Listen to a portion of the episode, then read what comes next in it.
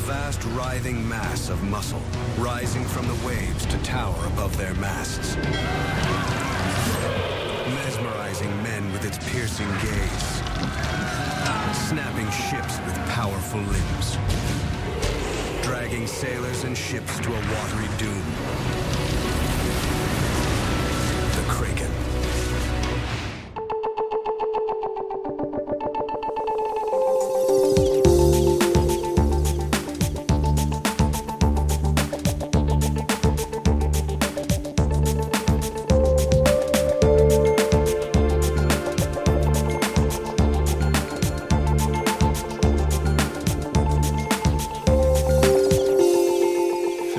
Betyder ytterligare ett avsnitt av storbudgetsatsningen Obiter Dictum. Jag heter Billy Rimgard och eh, han som sitter med ett glas flaggpunsch i handen här bredvid heter... Tobias heter jag, Tobias Nordström. Hej Tobias! Tack. Allt väl? Allt är väl. Vi upptäckte att vi var nominerade i någon slags poddradiopris här i Mm. veckan. Och där kan man väl säga att konkurrensen är obefintlig. Faktiskt. Eh, det, men det är väl någonting vi nästan pratade om när vi, när vi eh, drog igång med det här, att det inte finns, inte finns så mycket att välja på helt enkelt. Det, det är vi och massa så här, spelpodcast, känns det som. Ja, Nej, vi kan ju vara lite ödmjuka. Så det är ju, det är ju, det lät, vi kanske inte är fullt så kaxiga som det där lät. Vi bara sa det för att pump up, liksom get out the vote. Och liksom, jo, jo. ja. Men, men samtidigt känns det som att, jag vet inte, jag känner så lite grann i alla fall.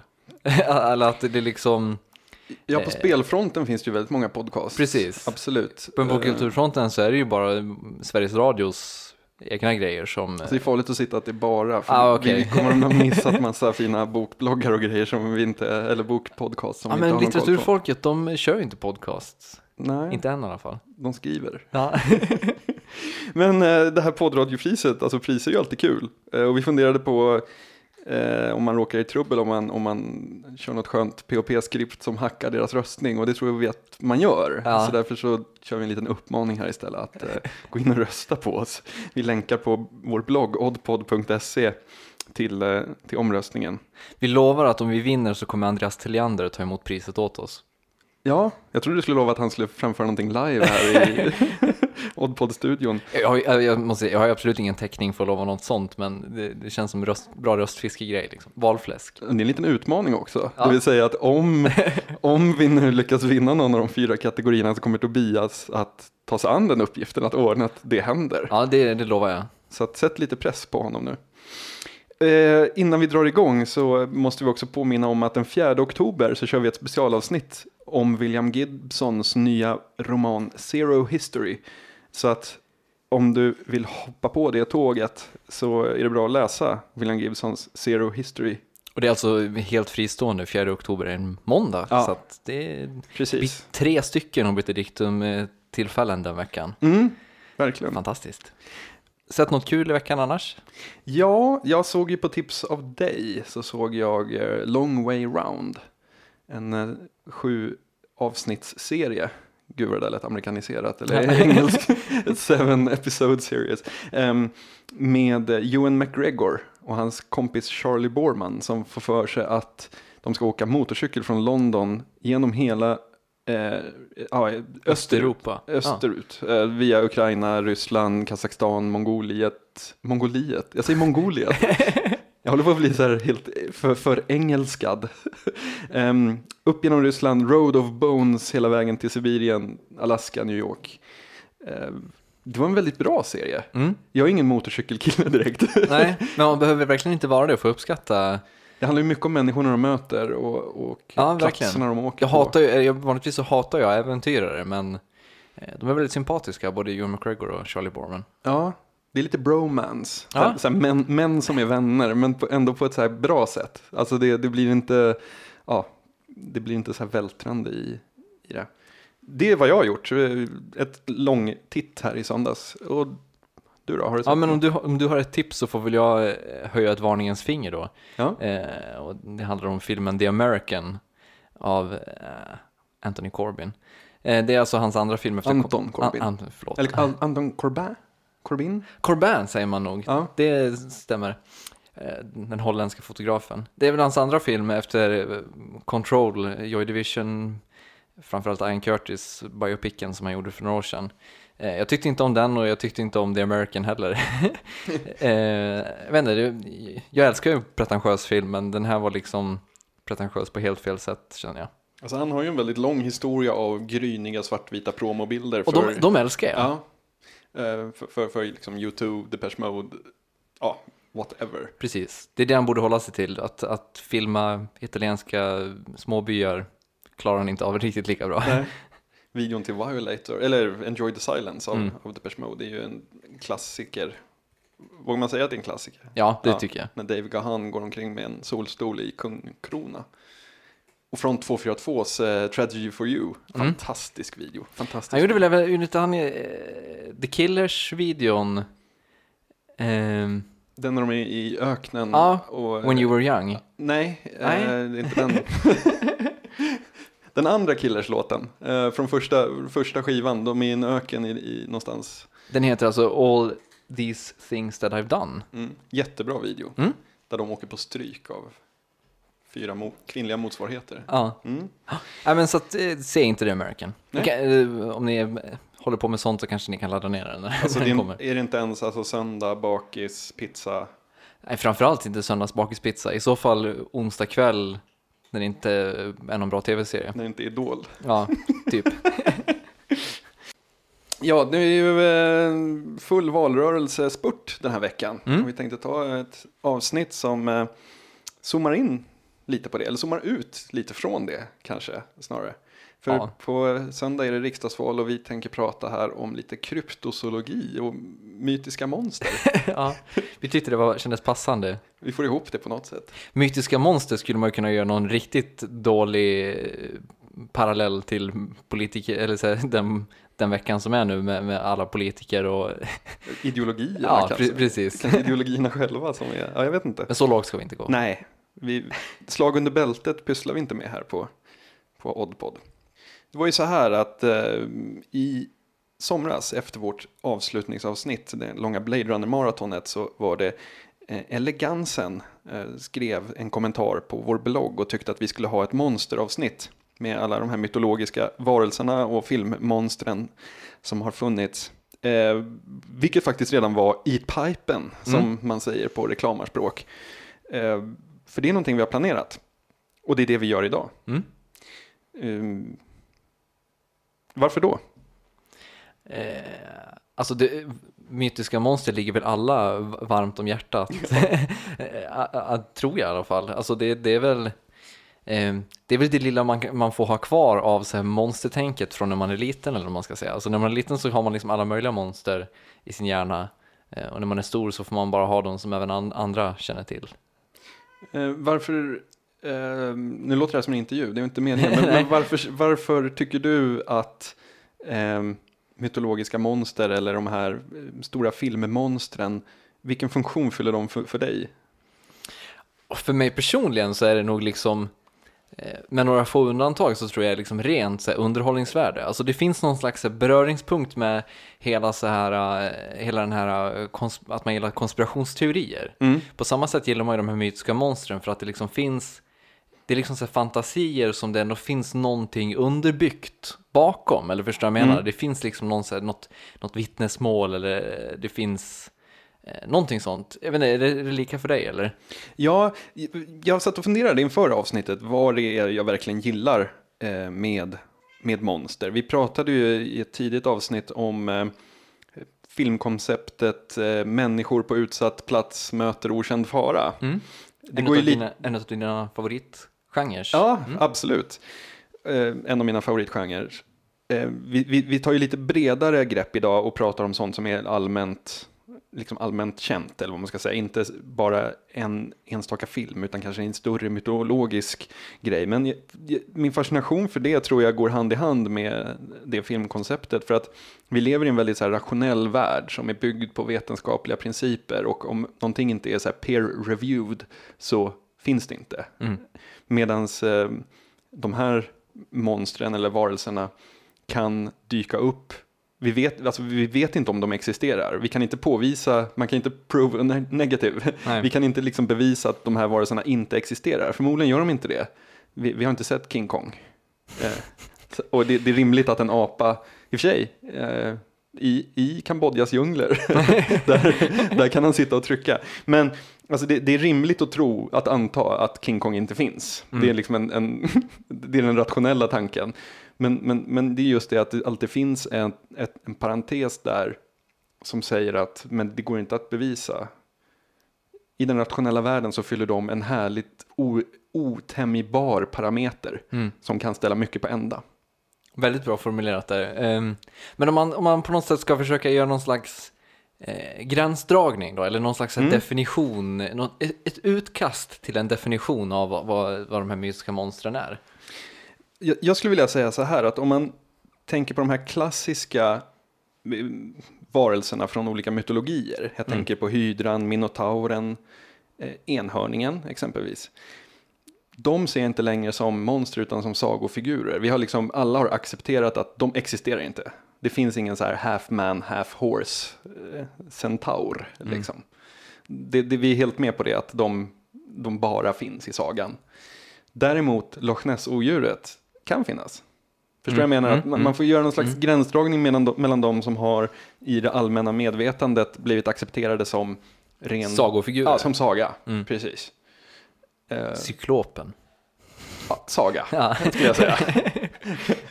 men, men hå- håller du med om den eh, grund, gränsdragningen? Ja, eh, det, det gör jag definitivt.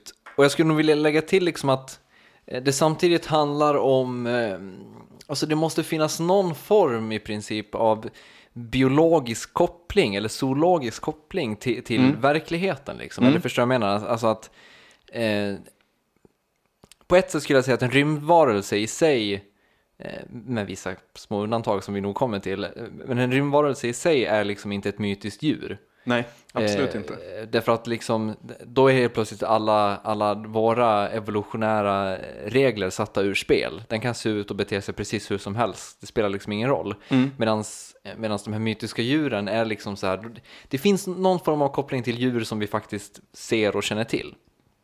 Finns det, finns det någon aspekt av att upptäckandet av dem skulle innebära en total omritning av vår karta?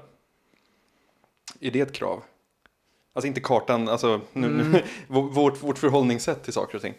Ja, eller det, ja kanske, men det beror på vilken det är som upptäcks liksom. Ja, Eh, om Mothman upptäcks så skulle ju helt plötsligt vår, vår relation till verkligheten förändras radikalt. ja, Men om, om liksom, eh, ja, jag vet inte vi- vilken, men, men något litet så här... eh, Yeti. Ja, precis. Om Yeti skulle hittas, så, visst det skulle vara en gigantisk nyhet och sådär, men det skulle liksom inte vara lika och Vi ju inte behöva omdefiniera verkligheten på samma sätt liksom. Jag, jag tror, jag kommer tänka på en film, Rain of Fire från 2002. Halvdan film, men, men visar väldigt bra varför mytologiska monster fortsätter leva i vår tid. Um, för i den filmen så håller ju en ny tunnelbanelinje på att byggas i, i London och man råkar väcka en drake som ligger i dvala. Um, av någon anledning kändes det väldigt töntigt när jag, när jag sa det där. Men, men, men hur som helst, draken flyr, förö, förökar sig och eh, klipp, 12 år senare så sitter Christian Bale på ett slott i Northumberland och försöker överleva medan drakarna tar över jorden. Och det visar ju där att, att det var drakarna som dödade alla dinosaurier. Så att, ja, det, ja, hur som helst, Mitt största problem med den filmen är annars Matthew McConaughey. Ja, ja. Men, ja. Ja, det, det finns många problem med filmen. Men det jag tycker den visar så fint det är det att ena dagen, hunky dory, livet går på, vi hittar draken, pang, det är över. Alltså de tar över världen, människan får kämpa för sin överlevnad. Det blir lite det här, alltså rota i myrstacken med en pinne-grejen. Alltså att vi, vi tror att vi är bäst. Och sen över, bara över en natt så, så vänds det på oss.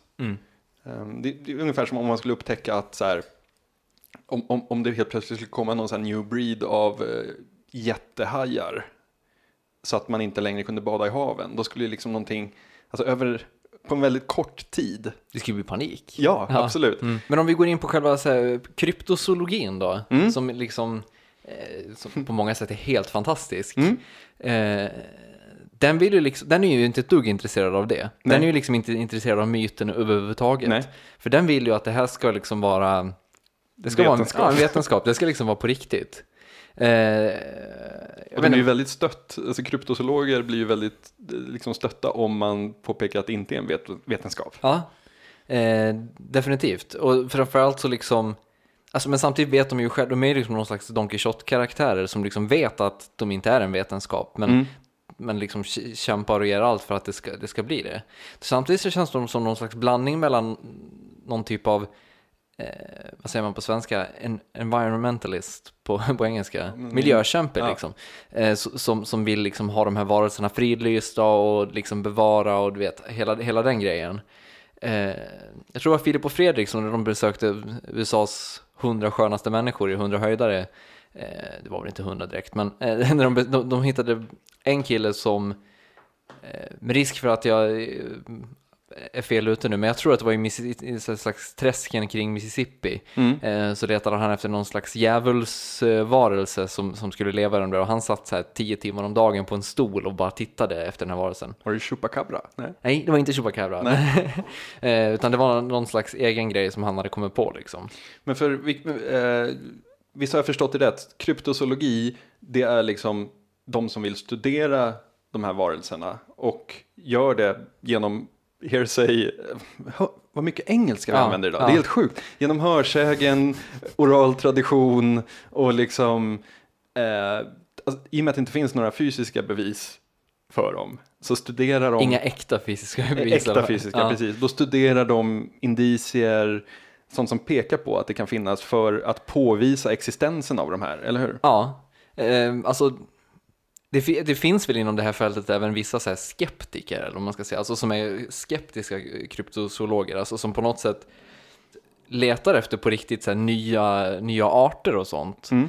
Eh, och som liksom typ avfärdar sådana här, såna här saker som Bigfoot och sånt som eh, ren rappakalja. Mm. Eh, men de är ju ganska sällsynta. Det känns som att de flesta är ju så här män eh, som är så eldsjälar och brinner, brinner för att liksom eh, Ja men det är deras livsverke att bevisa att Bigfoot finns liksom. Fast där tycker jag att ett stort problem är att de letar efter nya arter. Bara det att det, det, man upptäcker nya arter i princip varje dag i världen. Men det är inte de arterna de letar efter, utan det är Nej. de vi kommer hitta imorgon. Ja. Så att de flyttar hela tiden fram positionerna. Men, alltså, men samtidigt, kryptozoologin börjar ju i, någon, någonstans i den änden. Alltså, den, vanligtvis så tillskrivs den väl som att den börjar med den här zoologen då som heter Bernard eh, Heuvelmans eh, och hans bok On the Track of Unknown Animals. Den Mm. kom ut 19, 1955. Eh, och liksom, han, han var mer att han argumenterade för att man liksom skulle öppna upp zoologin Eh, att vara mer så här, vidsynt och liksom försöka ta in, eh, ta in möjligheten till, att- till att alla de här arterna finns. Liksom.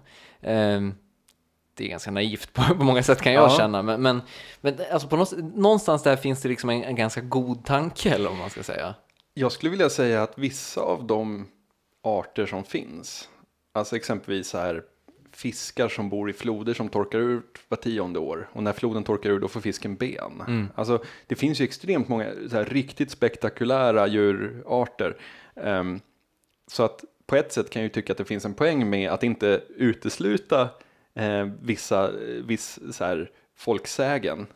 Eh, att, att inte helt så här, säga nej, men samtidigt fungerar ju vetenskapen så att eh, det är bara det som man faktiskt kan ja, bevisa, eller vad man ska säga. Ja, och det blir liksom så lätt bisarrt när det finns massa människor som letar efter den här, den kallas för Bray Road Beast, Mm. som, som är den här eh, vargen som går på två ben Mm. och liksom så springer runt eh, i Wisconsin, är det man har sett mest, han kallas för Dogman annars också. Det, det, det blir liksom så här, äh, men det, det känns bara så lätt patetiskt att man på något sätt inbillar sig att det skulle finnas en sån varelse överhuvudtaget. Just Nordamerika har ju en extremt stor flora av, av just eh, skrämmande små bestar Ja. eh, som kommer från skog. Fast den här är inte liten. Nej. Alltså den här ska vara stor som en människa. Mm. Är, är liksom, eh, man kan väl tänka sig att det är någon som har varit ute och kört en natt och sett en människa springa över vägen och, Mm. tänkt, och sagt nej det där var ingen människa. Men en, en stor del av de berättelserna har jag förstått kommer från eh, skogsarbetare och andra som liksom var djupt inne i de här stora skogarna när västfronten flyttades västerut eh, i, i USA. Att det föddes ur en muntlig tradition då att man antingen ville skrämma eh, de som bodde inne i städerna och var helt clueless eller så här tracka ner på alltså de som var nybörjare ute i skogen. Mm. Men här tror jag att det finns, det du är inne på nu, det tror jag det finns verkligen en nyckel till kryptozoologin. Alltså, i och med att USA är en så, eh, vad ska vi säga, ung nation, så blir de här sägnerna väldigt viktiga, eller man ska säga, för deras identitet. Alltså, Bigfoot blir sjukt viktig för många människor därför att Ja, men han är ganska ny ändå. Eller förstår du vad jag menar? Det är, det är skillnad på, jag menar, min gammelmor brukade berätta, när hon, när hon var liten, nu snackar vi slutet av 1800-talet, eh, så jo- var hon på somrarna ute ensam i skogen och, och vaktade kor. Och då pratade hon om att hon såg massa saker som typ att det kom tåg åkande i skogen och sånt där. Och det är liksom, för henne var det ju helt sant. Men, men liksom eh, på något sätt för, oss som är, som är uppvuxna liksom i en europeisk tradition eller vad man ska säga. Vi har hört, alltså de här, de här sago, de sagoberättelserna är liksom jättegamla för oss. Mm. Näcken, tomtar, väsen, skogsrån. Precis, så att vi har liksom ingen, vi har ingen av, vi har liksom ingen, inga problem att göra den, den distinktionen som du pratade om i början. Den att de är bara sagofigurer. Mm. Och det är inte lika lätt för jänkarna liksom. Ja, det finns ett exempel, The Argo Pelter. Känner du till den? Nej, faktiskt inte. Eh, för jag tycker det finns, om man ska studera Ehm, just de här myto- mytiska små kräken så tycker jag att den är ganska bra som, som exempel. För eh, den här Argopelten, det var en apliknande sak som bodde i ihåliga träd i barrskogen mellan Maine och Oregon. Eh, alltså enligt hörsägen då givetvis. Eh, Den skulle kasta grenar och, och liknande på förbipasserande, var allmänt så här dryg. Eh, och här ringer första varningsklockan, nämligen att den är så snabb att ingen har hunnit se den efter den kastar så här, mm, pinnarna. Ja. Jag menar, där, där ringer varningsklocka ett. Men så kom en snubbe som hette Big Ol Kittleson. Jag ljuger inte, Big Ol Kittleson. Han blev attackerad av den. Det är klart han blev. Ja, och Ja. kunde beskriva hur den här såg ut. Eh, och eh, ja men fine, Big Ol Kittleson, jag kan inte sluta säga det, det är ett otroligt bra namn. Eh, fine, han, han, han blir attackerad, låt oss köpa det rakt av liksom. Men i storyn om ah, dessa engelska ord, alltså vi, vi brukar väl inte vara så här hopplöst. Jag tror vi är ganska hopplösa, men, men idag är det kanske extra, extra illa. Ja, Vi dricker Millers, det kanske är därför. det kan vara därför. ja. Eh, eh, om, om vi köper liksom historien rakt av, sådär, då kommer man till det som får en att känna att nja. Nämligen så här att den här Argopelten, den får bara barn på skottår den 29 februari. Och den föder alltid kullar med udda nummer. Ah. Och där, börjar, där, där kommer en bugg för mig. där blir det en bugg. Ja. För att naturen, så, så elegant och eh, strukturerad och fin som den kan vara med sina fraktalformer och allt vad det är, eh, det, det händer inte riktigt så. Bara skottår, udda nummer. Intressant är också hur man har kommit fram till det om man liksom inte ens har sett någon någon gång. Sant, det tänkte inte jag på. Nej, och ingen, ingen människa har lyckats se dem framme så snabba, men ändå har man lyckats klura ut hur, hur, de, hur deras parningscykel ser ut. Liksom. Men någonstans börjar det ringa varningsklocka att okej, det här känns inte som att det är liksom underbyggt med, med det. Empiriska bevis. Precis, men om man jämför det, om man jämför det med eh, mitt eh, eh, absoluta favoritmonster kanske, vi skulle ta upp våra favoritmonster lite senare, men, men Ja. det, det är för bra övergång. Eh, kraken, våra, eller kraken, vår eh, nordiska jättebläckfisk som attackerar eh, fartyg och liknande. Sjömän från Norge framförallt. Precis, Ja. sjömän från- den var med i Carl von Linnés första eh, katalogisering. Det är ju jättebra. För att den tog bort i andra revisionen. alltså, det, det, är en gigantisk eh, och aggressiv eh, bläckfisk liknande jaktdjur som kunde dra ner hela skepp i, i, i havet. Ehm, och där är det ju ändå så här att vi, vi, vi vet ju att det finns väldigt, väldigt stora bläckfiskar som aggressivt jagar Mm. på stora djup. Mm. De spolas ju upp titt som tätt. Och då pratar vi ändå, jag vet inte, 15 meter? Alltså armar? Inte i Norge, men... Nej, nej, men alltså i typ Argentina Ja, och jo. Nya Zeeland och Ja. sådana här ställen brukar Mm. de spolas upp. Ehm, så det finns ju jätte, alltså, jättebläckfiskar. Sen att de inte är liksom aggressiva och attackerar båtar och så vidare. Men det gör ju däremot så här späckhuggare och stora valar kan ju vara aggressiva mot båtar. Så att någonstans i en skärningspunkt mellan många olika stories som sjömän tar med sig hem så kan man se att den här kraken, att, att, att den blir ett reellt, jag menar om man, om man stöter på en sån här jättebläckfisk någonstans och sen så överdriver man den historien lite grann. Ja. Då har du till slut en bäst.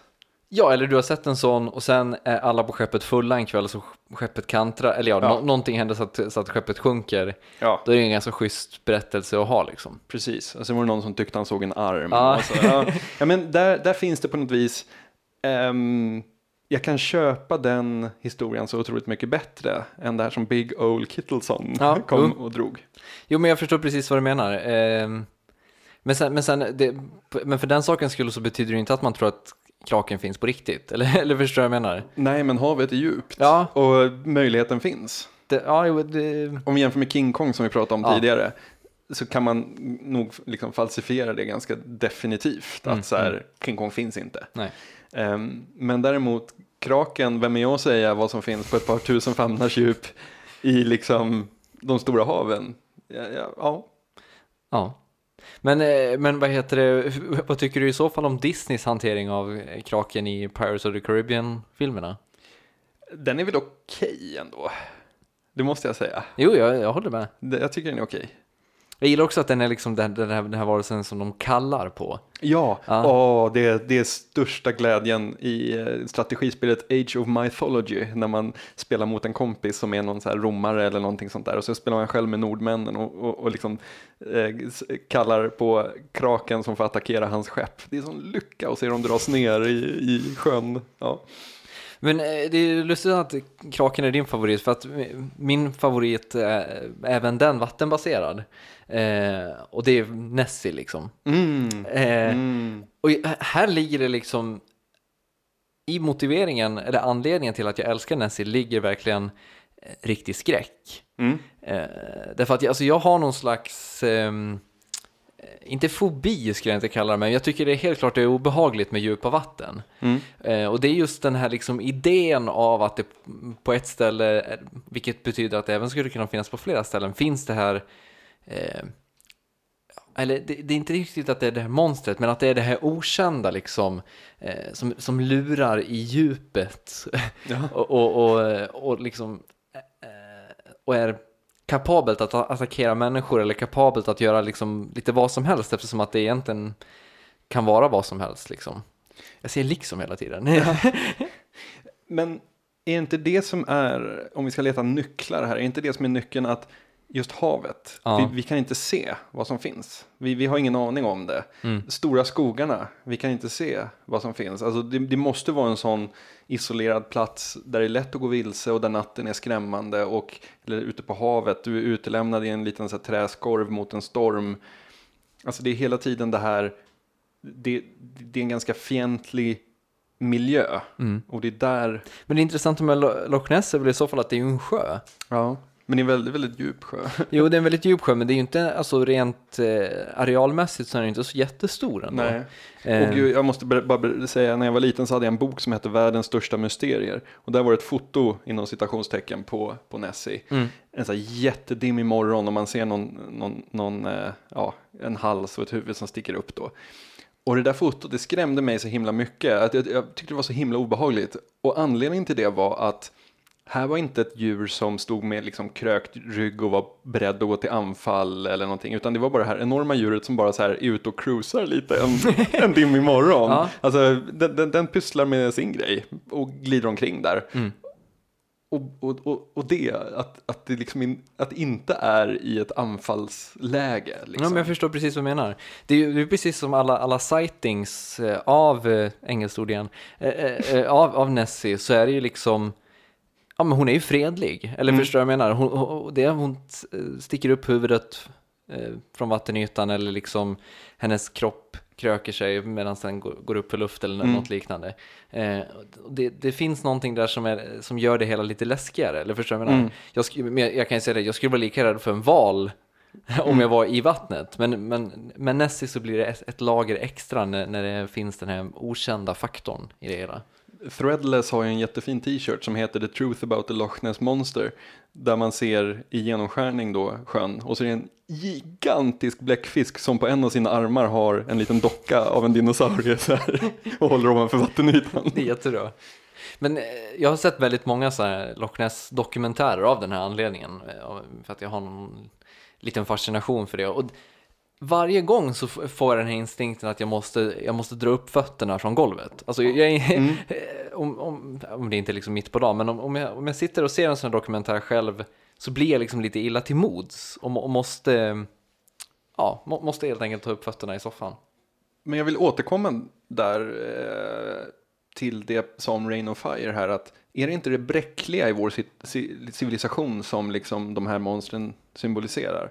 Alltså du, du har full kontroll över din, din verklighet och du kan läsa böcker om liksom många dimensioner och astrofysik. Men det där, du kan inte kontrollera det. Mm. Ja, men du, du, du har nog helt rätt där. Eh, det finns ju den här, eh, den här dokumentär, eller dokumentär, det är en mockumentär som heter The, The Incident at Loch Ness med eh, Werner Herzog, eh, dokumentärfilmaren i någon slags huvudroll. Eh, eh, och den liksom filmen utger sig för att vara en dokumentär om Werner Herzog när han ska göra en dokumentär om Loch Ness. Eh, där han mm, liksom visar att alltihop är en falsk myt. Men sen visar det sig att monstret faktiskt finns. Eh, och det, det är liksom helt fantastiskt att se eh, Herzog prata om de här sakerna och sen blir de sanna eller vad man ska säga. Eh, i, I början av filmen så säger han verkligen det att, eh, att, att vi har skapat de här myterna för att vi på något sätt skapar de här farorna Eh, eller kanske inte faror, men att vi skapar de här idéerna ute i det vilda eftersom att det vilda inte längre är hotfullt för oss. Alltså när det inte finns några, några rovdjur eller någonting som, som jagar oss eh, så, så skapar vår fantasi andra saker. Och det tror jag är en viktig aspekt av det hela. Liksom. Ja, och kopplat till det så är ju att om man tänker vid, vid diskvalificerade former av utomjordingar inledningsvis. Och det är ju lite för att utomjordingarna kommer ju i fiktionen ofta till jorden med en plan. Alltså de ska, ut, de ska sno allt vårt vatten eller de ska använda oss som kokonger för att fortleva eller någonting sånt där. Och det som de här monstren gör, de agerar ju bara på instinkt. Alltså det är ju ren och pur, alltså det är någon slags så här grundläggande djuriskt i dem. Mm. Men så pratar även om att det, att det i de här mytiska djuren finns något väldigt universellt för att de finns mer eller mindre över hela världen. Även om de, kanske många av dem finns i USA och så- sådana platser som vi var inne på eh, så finns det alltid sådana myter var du än kommer. Mm. Medan alien abductions är liksom eh, där är amerikanska överviktiga kvinnor överrepresenterade av Ja. någon, någon anledning. Eh, så att det, det gör också att det blir intressant på ett helt annat sätt. När du nämner dokumentärfilmare så vill jag faktiskt ta upp en film som heter The Last Broadcast som är från 98, en skräckfilm. Som handlar om eh, The New Jersey Devil. Mm. Och det är alltså en dokumentärfilmare som, eh, eller han, han är en tv-show-host egentligen, har ett program som heter Fact or Fiction. Och han och tre kompisar ger sig in i skogen för att eh, försöka hitta den här The Jersey Devil. Och de, en av dem kommer ut ur skogen nerblodad, de andra är borta typ. Och he- hela filmen bygger upp mot det här att så här, de har stött på The Jersey Devil. Och man, det är det man tror, men sen så utveck, alltså, rullas en vendetta upp. Alltså det är en av de här som var där som mördade, mördade två personer. Då. Mm. Och det, jag tycker den spelar på ett väldigt så här, kul sätt med vår föreställning att okej, de går ut för att försöka hitta The Jersey Devil de kommer tillbaka och är helt nerblodade och, och liksom kropparna är borta. Men det är klart de hittade den. Eh, och- och, det, är väl, det är väl det som är liksom, alltså när, ehm, när skörden blir dålig så har vättarna varit framme. Alltså förstår du vad jag menar? Att Definitivt. det, det är en ganska så här, trygg eh, paranormal eh, sak att falla tillbaka på. Mm. Just, just Jersey Devil är också intressant för att det är en sån, sån bra myt eh, som ligger bakom hela den här grejen med Mother Leeds som, hade, som fick 12 barn. Den är jag inte med på faktiskt, du får berätta. Ja, eh, nej, men det, det handlar ju om, om den här mamman då i Jersey som eh, hade 12 barn och sa att om hon fick ett trettonde så visste hon att det barnet skulle vara djävulen. Eh, och då är sägnen då att hon fick ett trettonde barn som hon då avvisade för att hon var helt säker på att det var djävulen och det barnet växte då upp i det vilda och var djävulen så att säga.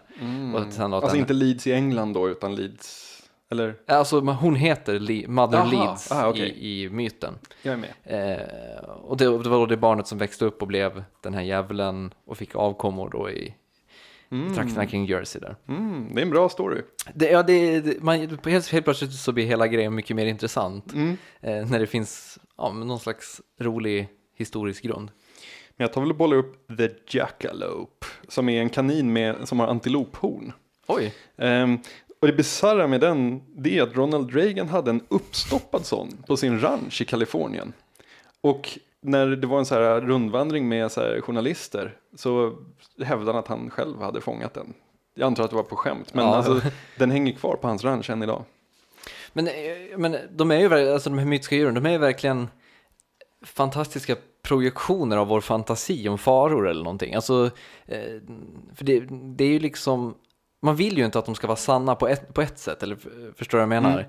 Eh, utan fascinationen ligger ju i att de är så otroliga. Och jag tror att det hela tiden går att koppla tillbaka till det här som vi var inne på, att det är där man inte ser som är det jobbiga. Jag kommer ihåg i originalfilmatiseringen av serien V, den fem, fem eh, avsnittsserien som gick på 80-talet, så är det ka- en, av eh, alien-kaptenerna där är missnöjd med någonting någon har gjort, så hon slänger in honom i ett rum som bara har sand. Och han ligger där på den här sanden och liksom tittar och man ser sanden börja röra sig och det kommer liksom bara upp ett par käftar och suger ner honom i sanden. Man får aldrig se vad det är, men det är så effektfullt och jag var rädd för sand efter det. Jag, vet inte, jag har letat runt lite för att försöka hitta någon så här sandorm som rimlig, rimligtvis borde finnas i någon alltså, nordafrikansk eller liknande mytologi. Eh, Jag har inte riktigt hittat någon så här bra, för jag tänker Hotet från underjorden, den fantastiska Ah, filmen. Tremors. Ja, Tremors. Fast det är ju, då går vi in på liksom det här människor på utsatt plats möter okänd fara och inte riktigt det här allmänt vedertagna mytologiska monstret. Eh, Men jag har försökt hitta någon, någon motsvarighet till de här underjordsmonstren som liksom plöjer upp genom markytan. Dock utan framgång. Ni får jättegärna mejla oss på kontaktet om ni har några bra. Definitivt. Men, men om, när vi är inne på Tremors, har du några så favoritfilmer som är just eh, mytiska djur eller ja, liknande? Tremors. Ja, Tremors är ju fantastiska, alla tre är va? Alltså Cloverfield, då känner jag att vi börjar gå in på någon slags eh, gränsland. mm, definitivt. Det är inte direkt ett mytologiskt monster samtidigt som den bygger på Godzilla lite grann. Mm. Har- Den kommer ju dock från rymden. Den kommer från rymden. Mm. Så att, ja, det är svårt. Vår gränsdragning tidigare funkar ju inte riktigt där. Nej, Ehm, däremot så, du nämnde kort The Mothman Mm. och eh, en, en, en rekommenderad tittning, eller det är inte bara rekommenderat utan det är obligatorisk tittning, det är ju The Mothman Prophecies med Richard Gere. mm. och Som- Laura Linney. Som är en, åh, det är en helt fantastisk film. Ja, det är eh, verkligt bra skräckfilm. Mm, Eh, fast fast eh, skräck inom eh, citationstecken skulle jag ändå säga. För att jag hatar ju skräckfilm. Jag gillar absolut inte det här ehm, som bygger på att man ska sitta och bli, hoppa högt eh, när någon anfaller en. Utan du måste ju ha hoppat högt några gånger i Mothman. Fast den är mycket mer psykologisk tycker Jo, jag. Alltså, jo. den bygger snarare på så här ens egen inbildning och, och fantasi om vad som kan finnas där och vad som skälet är till allt det här händer. Det är ju inte så många sådana här gå in i ett mörkt rum och slå på lyset och se en hängd person från taket. Så när man förstår vad jag menar, de här klassiska skräckfilmsgreppen finns ju inte riktigt där. Ja, men jag skulle säga att det finns några stycken i alla fall i den. Jag ska inte förstöra för de som inte har sett den. Men Eh, se den, se den, se, Se den. den definitivt. Eh, men den är vä- väldigt otäck på många sätt i alla fall kan man säga. Den är väldigt otäck. Det är ju så här att det var ju i eh, Point Pleasant i West Virginia från november 1966 till december 1967 så syntes en person, eller en, en, en vingbeklädd människoliknande varelse, Ja. precis, eh, vid flera tillfällen. Och man visste ju inte riktigt vad den, vad den gjorde där. Eh, eller det vet man väl fortfarande inte. Men, men, men den dök bara upp från ingenstans och den uppvaktade folk kan man säga. Den dök upp och åkte bakom bilar och liknande. Och den försvann i samband med katastrofen vid Silver Bridge när en bro över Ohiofloden kollapsade och 46 personer dog. Efter det syntes den inte mer. Mm. Och det, var, det finns ju massa teorier givetvis då om var den där för att varna för det här eller var det den som orsakade det och så vidare. Det, men den, den med, alltså, det som är unikt, med, eller unikt vet jag inte, jag, jag, jag är inte min expert på kryptozoologi, men vad, vad som gör den väldigt eh, eh, fascinerande som myt är ju att de som råkade ut för den här och som har vittnat om det och så vidare, det är folk som egentligen har allt att förlora på att berätta. Det är så här ordinary city dwelling people som bara så här vill leva deras liv. Ja, eh, och även, även det du är inne på med att den, den på något sätt är, är eh, det är det man ser i mörkret, eller på, eh, alltså något ditåt. Den, den är ju verkligen någon, en, en typ av förklaring till, till den här hemska saken som hände. Alltså att man, eh, ja, men att man, att man i sina mardrömmar hittar, hittar någon form av lösning till varför det här hemska kunde hända eller något sånt. För samtidigt som jag förstått det så eh, det var ju dokumenterat redan innan, alltså folk pratade ju om det och berättade om det och, och tidningarna sant. skrev om det innan det här händer. Mm. Alltså det pågick ju under ett år och sen bara försvann den. Och det tycker jag också talar till dess fördel att den försvann. För ja. om det är så här att folk går omkring ute i skogarna och letar efter The Mothman nu, inte så bra. Men, men just det att det är under begränsad tid i samband med att spektakulära grejer händer och så vidare gör att man kan direkt börja associera till, ja men eh, vad var det? En eh, reva i tidsrymden? Nej men det, det öppnar upp för spekulation. Men i övrig, övrig populärkultur så det är ju ofta så att manusförfattare och regissörer vill göra en liten egen tolkning på just de här mytologiska bästarna. Mm. Ja, men det, de, de, de personifierar ju liksom hotet utifrån på ett eller annat sätt. Mm. Eh, och det är nog därför King Kong är min absoluta favorit. Mm.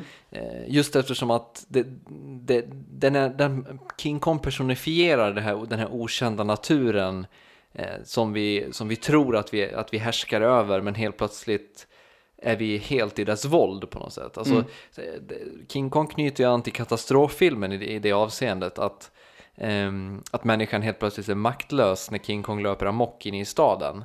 Eh, samtidigt som King Kong är väldigt mänsklig i hela det här med att, att han, eh, King Kong blir förälskad och King Kong eh, King Kong är liksom apan, vår närmsta släkting och he hela den biten. Alltså han är, han är bara han är nästan mänsklig men han är fortfarande den otyglade naturen. Mm. Eh, och jag tror att det är därför King Kong liksom återkommer gång på gång i filmhistorien. Mm. Eh, så jag uppskattar King Kong väldigt mycket av den anledningen att han på ett väldigt praktfullt sätt representerar det, det, det, det hotet utifrån. Men om vi vänder oss eh, till litteraturen så, så är ju H.P. Lovecraft är ju det givna exemplet här. Mm. Han är väl de här skräckväsendenas urfader mm. på, no på, något sätt. Det är han ju inte egentligen, men, eh, men han är väl de som i, i, modern tid har gett dem ett ansikte om man säger mm. så. Um, är du ett Lovecraft-fan? Absolut, 100 procent. Och det som gör hans eh, berättelser så, så fasansfulla, det är ju det, alltså, det kallas ju skräck, den genre som han verkar i, eller hans böcker står under skräck, eh, i skräck facket i bokhandeln. Fast sen läser man då, det är så här knastertorr, nästan byråkratispråk. Liksom. För det är alltid så en rapport som någon akademiker skriver efter att ha varit där och besökt det här stället som har råkat ut för någonting. Mm. Eller det är en vittnesmål av olika slag. Um, och det är en väldigt så här knastertorr, nykter beskrivning av vad de såg och vad de inte vill tro att de såg. Vilket gör att när hans varelser stiger upp ur de djupa haven så blir det liksom skräcken blir mångdubblad bara för att det inte har det här suspensläget i att bli attackerad i en skog. Nej, och sen jag tror också att de, de, de, hans varelser och koncept fungerar så pass bra för att de är väldigt abstrakta. Mm. Alltså de är, de är av en färg som är en icke obeskrivbar färg, eller förstår jag menar? Mm. De, de, de, har egenskaper som inte går att ringa in eller relatera till Eh, vår uppfattning om verkligheten. Eh, och det gör att helt plötsligt så sätter hjärnan igång och börjar konstruera riktiga hemskheter istället, mm. istället för att det är så, det är ditåt beskrivningen barkar. Och därför så fyller vi på då och gör det här jätteotäckt. Hans karaktärer vittnar ju ofta om onämnbarheter. Ja, precis. Unnamables i originalspråket. Vilket bara förstärker att alltså, man, man, man sätter sin egen värsta tanke på hans varelser. Precis. Men sen så finns det ju, alltså det finns ju även, alltså i hans mytologi, The Cthulhu Mythos, så finns det ju ändå en, det finns ju även mysticism där som kanske inte mm. riktigt passar in i, i det samtalet vi har just nu. Jag tänker på Massa di Requiem per Sugai som är så här en, en opera som skrevs av Benvenuto Chieti Bordighera 1768. Om man framför den med full kör så visar det sig i trettonde akten eller någonting sånt där att egentligen så är det en enda lång besvärjelse som, som nedkallar en onämnbarhet. Påven förbjöd den 1769, den har bara framförts en gång. Eh, men förstår jag menar, det finns en, alltså i hans, eh, i hans mytologi så finns det även en, en slags religiös aspekt av av folk och kulter och liknande som Mm. tillber de här eh, fasansfulla monstren. Vilket är ju helt fantastiskt, men man kanske inte...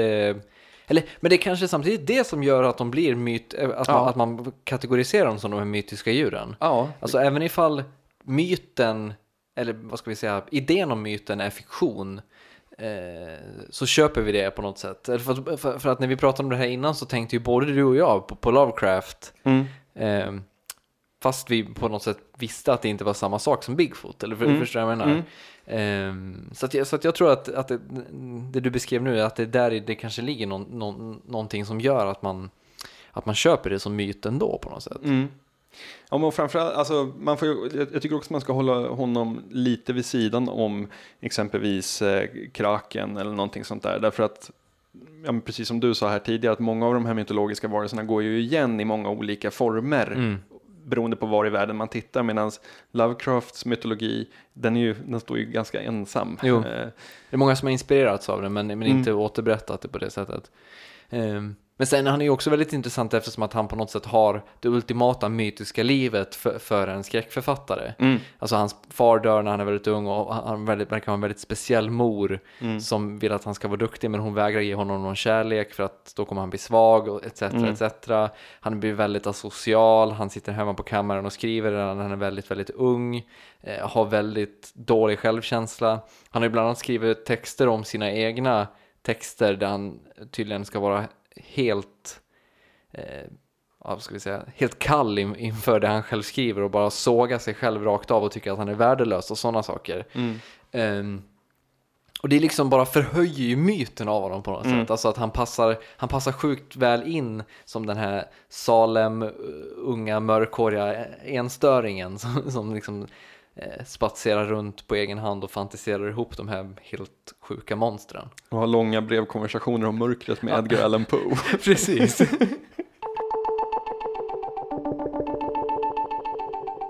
Vi har kommit fram till postscriptum, eh, vår avslutande lilla del här med tips idag på temat mytiska djur.